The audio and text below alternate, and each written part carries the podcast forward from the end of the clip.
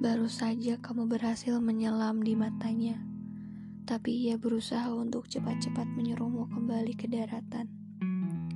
Tanpa ia tahu betapa susahnya untuk memulai menyentuh airnya.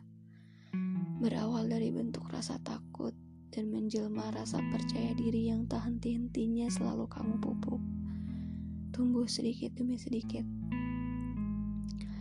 Kamu memang bukan orang pertama untuknya, sama sekali bukan.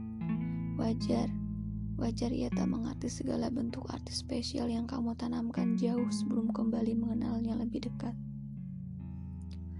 Kamu mulai sadar, ternyata kamu ingin jadi pemenang di masa lalunya, padahal kamu tidak hidup di sana. Ternyata terbiasa letih dan perih tidak selalu berujung pada hal-hal buruk dan menyakitkan. Ya, tidak selalu. Kamu jadi teringat pada tontonan sepasang manusia yang saling melempar pertanyaan, yang berujung pada pernyataan seperti ini. Kamu selalu bilang bahwa sabar akan selalu berbuah manis, kan? Dan kamu meyakini itu. Entah berapa kali merasakan sakit, merasa bukan jadi diri sendiri tapi sisi lain dari dirimu selalu berkata, dia orangnya. Jadi ya mau gimana lagi? Kadang segala bentuk idealis yang sudah dibangun itu sengaja kamu robohkan demi mewujudkan ideal seseorang yang kamu sayang. Dan kamu yakin, kamu yakin Tuhan sengaja menghadirkan dia di hidupmu dengan ratusan maksud dan dengan teliti kamu temukan itu satu persatu dalam dirinya. Kamu telah menyelam dalam dalam dirinya, dalam matanya.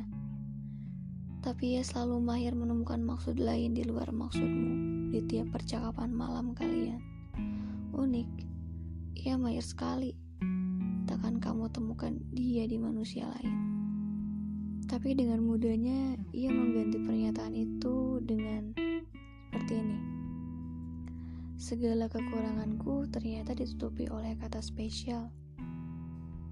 Ya, dia bilang seperti itu. Itu benar-benar menyakitkan bagimu. Menyakitkan bagimu yang dari awal berusaha keras untuk menyelam dalam-dalam.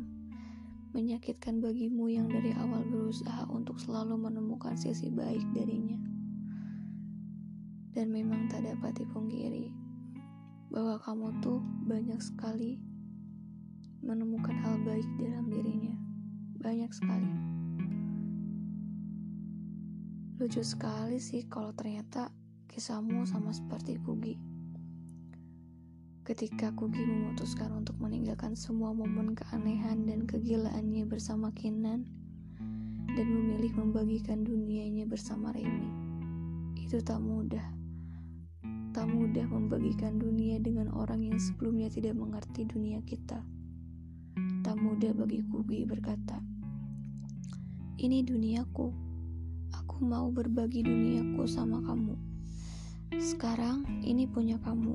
Sambil Kugi menyodorkan buku dongengnya yang tentu di dalamnya sudah ada dunia Kinan lewat gambar-gambar yang sudah Kinan buat.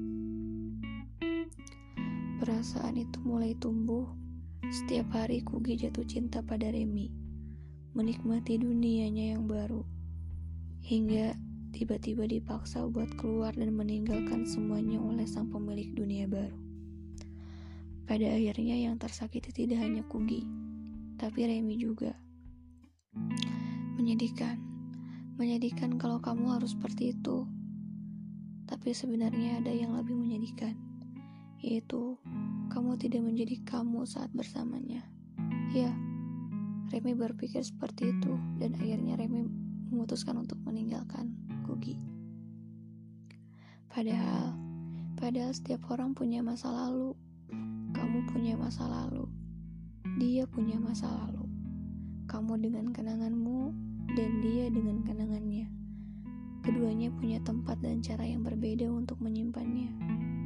Kamu hadir dan hidup di masamu saat ini, berproses menciptakan kenangan-kenangan baru yang sudah tak perlu untuk kamu arsipkan. Namun, dengan cara merawatnya tanpa ada debu.